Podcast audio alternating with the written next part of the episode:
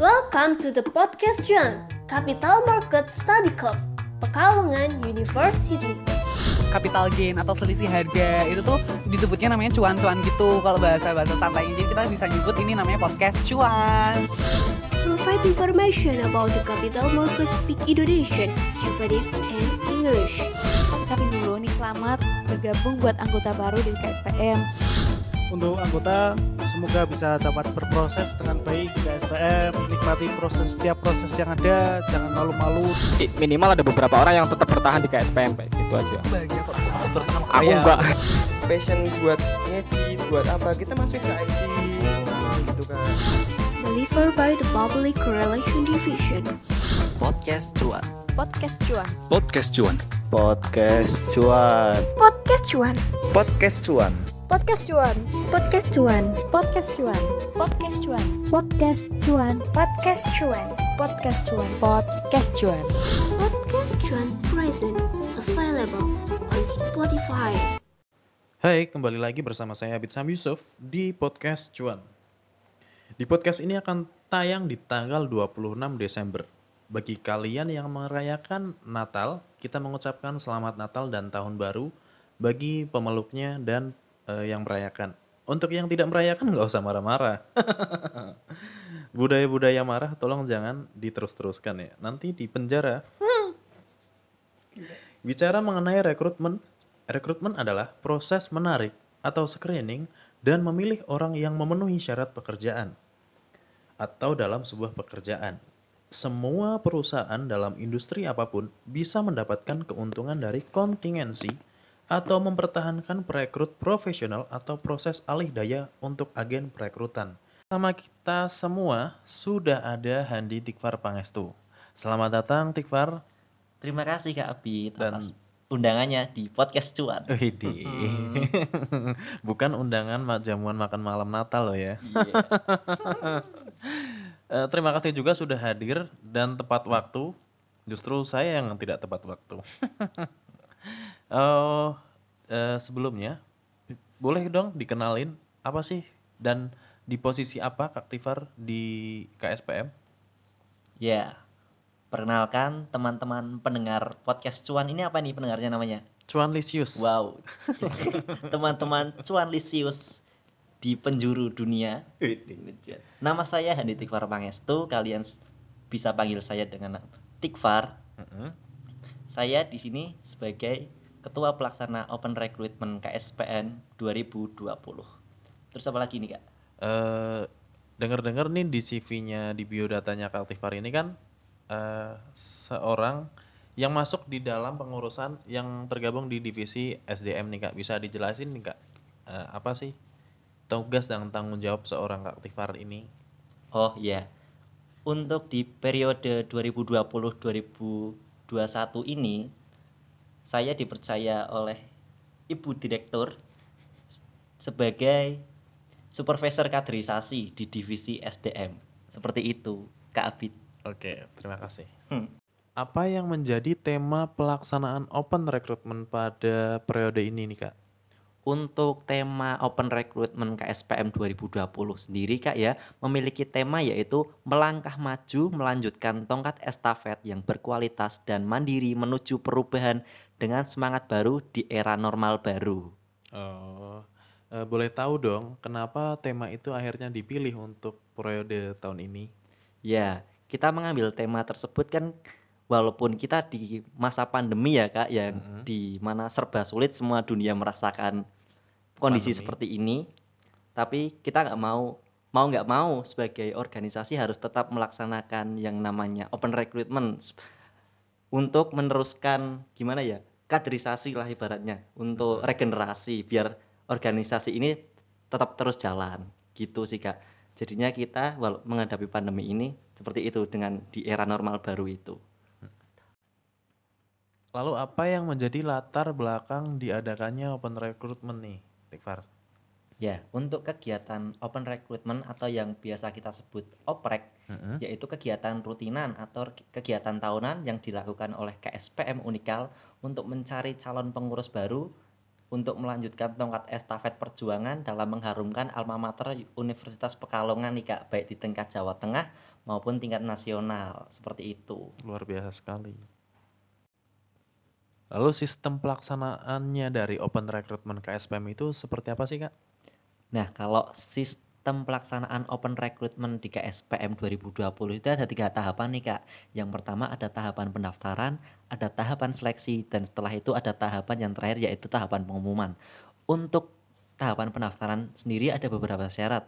Yang pertama, mahasiswa FE Unikal semester 1 dan semester 3 yang kedua yaitu mengisi formulir secara online melalui Google Form. Yang ketiga yaitu memiliki komitmen dan tertarik dengan dunia pasar modal dan keorganisasian itu sendiri, Kak. Lalu selek tahapan yang kedua ada tahapan seleksi. Sel- Tahapan seleksi sendiri ada dua tahapan nih, Kak, karena kita lagi posisi di masa pandemi. Panitia sendiri memiliki dua tahapan yaitu tahapan online dan tahapan offline. Untuk tahapan online sendiri yaitu ada tes pengetahuan umum kepada peserta open recruitment KSPM 2020 ya dengan menggunakan Google Form. Lalu yang tahapan offline ada tahapan wawancara yaitu peserta datang ke tempat yang telah disediakan sama panitia untuk mengikuti wawancara dengan interviewer. Lalu tahapan ketiga, tahapan ketiga sendiri yaitu pengumuman. Setelah melakukan tahapan pendaftaran dan seleksi, seleksi online dan offline, peserta oprek tinggal menunggu nih pengumuman lolos atau tidaknya. Seperti itu sih Kak, kurang lebih tahapan dari open recruitment KSPM 2020. Jika wawancara dilakukan secara offline, lalu bagaimana cara panitia mengantisipasi penyebaran COVID-19 dalam pelaksanaan open recruitment? Nah, untuk panitia sendiri sudah memikirkan hal tersebut nih kak. Kan kita lagi mengadakan kegiatannya dalam pro- proses pandemi nih, lagi keadaan pandemi. Lah panitia tetap mematuhi protokol kesehatannya. Yang pertama yaitu dengan mewajibkan peserta dan panitia menggunakan masker selama kegiatan open recruitment KSPM sendiri berlangsung nih kak. Jadi kalau ada yang ketahuan nyopot masker itu otomatis sudah kita suruh keluar. Yang kedua yaitu membagi peserta oprek sendiri ke dalam beberapa kloter nih yang tujuannya agar tidak terjadi kerumunan. Yang ketiga yaitu di venue kita sendiri di tempat kita mengadakan wawancara offline itu kita juga menyediakan hand sanitizer dan sebelum panitia dan peserta masuk itu harus ad- harus dicek suhunya terlebih dahulu untuk memasuk baru boleh masuki ke venue tersebut. Yang terakhir, di saat proses wawancara sendiri, panitia juga menyiapkan protokol kesehatan dengan mengatur jarak antara peserta dan jarak antara peserta dengan interviewer sendiri. Begitu sih, Kak. Ada nggak sih antisipasi dari panitia jika ada peserta yang tidak bisa melakukan wawancara secara offline? Mungkin kan tidak berani keluar rumah atau baru saja eh, dari planet lain ya kan? Lalu gimana panitia merespon masalah tersebut gitu loh jika ada yang tidak berani eh, wawancara secara offline? Ya, kita pani- panitia sudah antisipasi terlebih dahulu ya Kak itu permasalahan tersebut. Dari panitia sendiri memfasilitasi jika ada yang nggak bisa atau tidak berkenan wawancara secara offline karena lagi kondisi seperti ini dari panitia sendiri menyediakan wadah yaitu melakukan wawancara melalui online yaitu Google Meet. Tetap wawancara seperti biasa, bedanya cuma mereka secara online yaitu di Google Meet. Seperti itu sih Kak. Apa alasannya diadakan wawancara secara offline? Padahal kan kita tahu tadi bisa dilakukan secara online, Kak. Ya, kalau menurut saya ya kak, ya, wawancara secara offline itu perlu dan wajib. Karena pada saat wawancara offline dapat terlihat nih secara langsung karakter dari seluruh peserta oprek KSPM itu sendiri. Baik itu sikap, integritas, komunikasi, komitmen, dan antusiasme mereka dalam mengikuti oprek KSPM 2020. Apa yang menjadi bahan penilaian bagi calon anggota agar dapat bergabung dengan KSPM nih, Kak? Nah itu ada beberapa hal tuh kak yang bisa kita nilai. Contohnya seperti memiliki sikap yang baik, sopan santun, dapat berinteraksi secara komunikatif dan interaktif saat wawancara, memiliki sikap yang jujur dan disiplin, serta tanggung jawab dan memiliki komitmen. serta yang terakhir memiliki semangat dan rasa ingin tahu yang tinggi. Oh, ada satu lagi nih, Kak. Jika mereka memiliki keahlian khusus, itu akan menjadi poin plus banget nih. Contohnya, fotografer, desain, atau mereka mempunyai keahlian di bidang public speaking mungkin dan keahlian di bidang yang lain. Kalau bisa nyetir itu juga termasuk dari poin plus nggak sih? Oh, itu keahlian juga itu, Kak. Karena kan untuk ke SPM sendiri kegiatannya nggak cuma di Pekalongan, kita juga kadang keluar kota seperti delegasi, lomba itu kita juga keluar kota. Nah, itu orang anggota yang bisa nyupir itu termasuk poin plus di situ nih, Kak. Sekalian kita delegasi, sekalian kita jalan-jalan. Kan ada quote-nya tuh, Heeh. in- investasinya cuan, investornya jalan-jalan. Sebelum ke tahap wawancara, apakah calon anggota diberikan pengenalan tentang KSPM, Mas?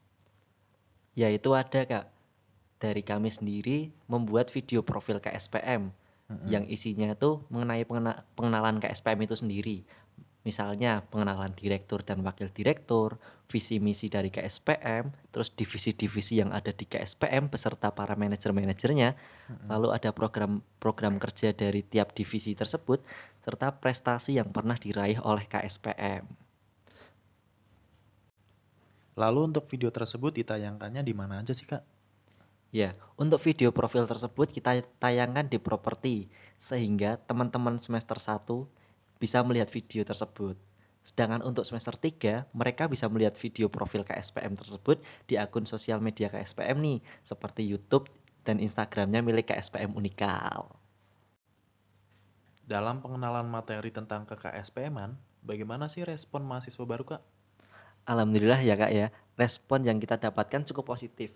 Itu bisa dibuktikan dengan jumlah pendaftar dari oprek KSPM 2020 mencapai sekitar 100 pendaftar. Dan itu menjadi jumlah peserta oprek terbanyak di Ormawa FE pada tahun ini nih. Manfaat apa saja sih, Kak, yang dapat diterima jika sudah bergabung di KSPM? Hmm, pertanyaan yang bagus itu. Manfaat yang didapatkan ketika menjadi anggota KSPM itu banyak banget kak. Mm-mm. seperti relasi yang pertama. Anggota itu bisa kenal banyak relasi yang baru, sepo- baik itu senior maupun yang baru. Kalau di KSPM itu kan sistemnya kekeluargaan ya kak, jadi kita nggak ada alumni, adanya keluarga. Jadi setiap kegiatan yang keluarga-keluarga ini kita undang. Jadi baik itu anggota baru, anggota lama itu nggak ada. Adanya kita keluarga KSPM. Nah itu bisa perkenalan semua nih dari dari yang yang udah lebih dulu sama yang masih berkuliah di Unikal itu jadi kan relasi kita menjadi menjadi lebih banyak yang itu akan bermanfaat ke depannya lalu manfaat yang kedua menurut saya ada pengalaman pengalaman sendiri banyak nih ya Pak seperti pengalaman lomba pengalaman berorganisasi pengalaman menjadi ketua pelaksana itu merupakan pengalaman juga menurut saya dan banyak pengalaman-pengalaman yang lain Lalu yang ketiga ada ilmu. Ilmu udah jelas kalau kita di sini kan namanya aja kelompok studi pasar modal. Yang kita pelajari yang utama yaitu pasar modalnya sendiri itu. Tapi ada juga nih ilmu-ilmu yang lain. Bel, tadi seperti ilmu berorganisasi seperti tadi, lalu ilmu-ilmu yang lain tiap divisi misalnya ilmu mengedit, kita bisa belajar mengedit. Ilmu public speaking mungkin ada divisinya, ilmu mengenai keorganisasian seperti di SDM dan masih banyak ilmu-ilmu yang lain yang bisa kita dapatkan di KSPM nih Kak, gitu. Dari 100 anggota yang mendaftar, apakah semuanya bisa menjadi anggota KSPM, Kak? Oh, itu enggak Kak, kita nggak menerima semuanya 100-100-nya. Kita menerima jumlah anggota baru itu tergantung kebutuhan dari organisasi KSPM itu sendiri Kak. Tapi bukan berarti yang belum bisa kita terima itu tidak bisa belajar mengenai pasar modal. Mereka tetap bisa mengikuti kegiatan-kegiatan KSPM nih seperti diskusi umum yang diadakan oleh divisi edukasi. Mereka juga bisa mengikuti kegiatan sekolah pasar modal atau SPM yang dilaksanakan divisi investasi yang outputnya sendiri mereka dapat memiliki akun saham secara real. Lalu, yang terakhir mereka bisa berpartisipasi dalam perlombaan online trading milik KSPM FE Unikal nih kak, yaitu ada caption atau capital market competition. Seperti itu. Tadi disebutkan salah satu manfaat menjadi anggota KSPM adalah menjadi panitia atau menjadi ketua pelaksana dalam sebuah acara. Nah, kamu sendiri ini kan sudah menjadi ketua pelaksana open recruitment. Pengalaman kamu sendiri yang bisa kamu ambil dari sebuah kegiatan open recruitment kali ini itu apa aja, Par? Hmm, banyak ya. Berarti ini pengalaman saya menjadi ketua pelaksana gitu ya. Banyak banget pengalaman saya yang belum pernah saya dapatkan sebelum saya menjadi ketua pelaksana nih. Mm-mm. Contohnya yang pertama yaitu memilih kepanitiaan. Duluan saya kira waktu saya hanya menjadi panitia, memilih panitia itu hanya sak penak EDW ibaratnya, Mm-mm. seenaknya sendiri, asal tunjuk sana, tunjuk sini. Lah, setelah saya menjadi ketua pelaksana, saya diajari sama SC-SC saya, yaitu Iya. steering komite saya, bahwa memilih panitia itu nggak sembarangan, kamu harus bertanggung jawab atas panitia-panitia yang kamu tunjuk. Contohnya saya memilih Abid nih jadi ketua, jadi si acara ya, saya harus bertanggung jawab juga atas pemilihan Abid tersebut di si acara saya seperti itu. Itu yang pertama sih, yang kedua itu dalam rapat atau kepemimpinan ya itu saya bisa simpulkan seperti itu. Yaitu memimpin rapat. Itu kan saya baru pertama kali banget untuk memimpin rapat tuh gimana. Biasanya cuma jadi peserta rapat doang. Nah itu itu kan bingung juga itu caranya mimpin tuh gimana. Akhirnya kan saya tanya-tanya juga sama SC SC saya. Mas Mbak ini gimana sih caranya mimpin rapat? Biar rapatnya itu berjalan dengan lancar sesuai urut itu gimana? Nah, itu saya mulai diajarin tuh bahwa rapat itu setiap rapat ha- harus mempunyai tema atau memiliki tujuan agar rapat itu tahu tujuanmu ke mana goalsmu itu apa. Nggak cuma debat kusir sana sini lari sana lari sini tapi setelah rapat ditutup beberapa jam nggak ada tujuannya. Mm-mm. itu sih yang saya dapatkan. Terus apalagi yo? Terus berkoordinasi dengan banyak orang. Berkoordinasi banyak orang contohnya misalnya kayak menentukan tempat aja tempat itu venue acara itu kan Mm-mm. tetap ada pro kontra ya namanya aja.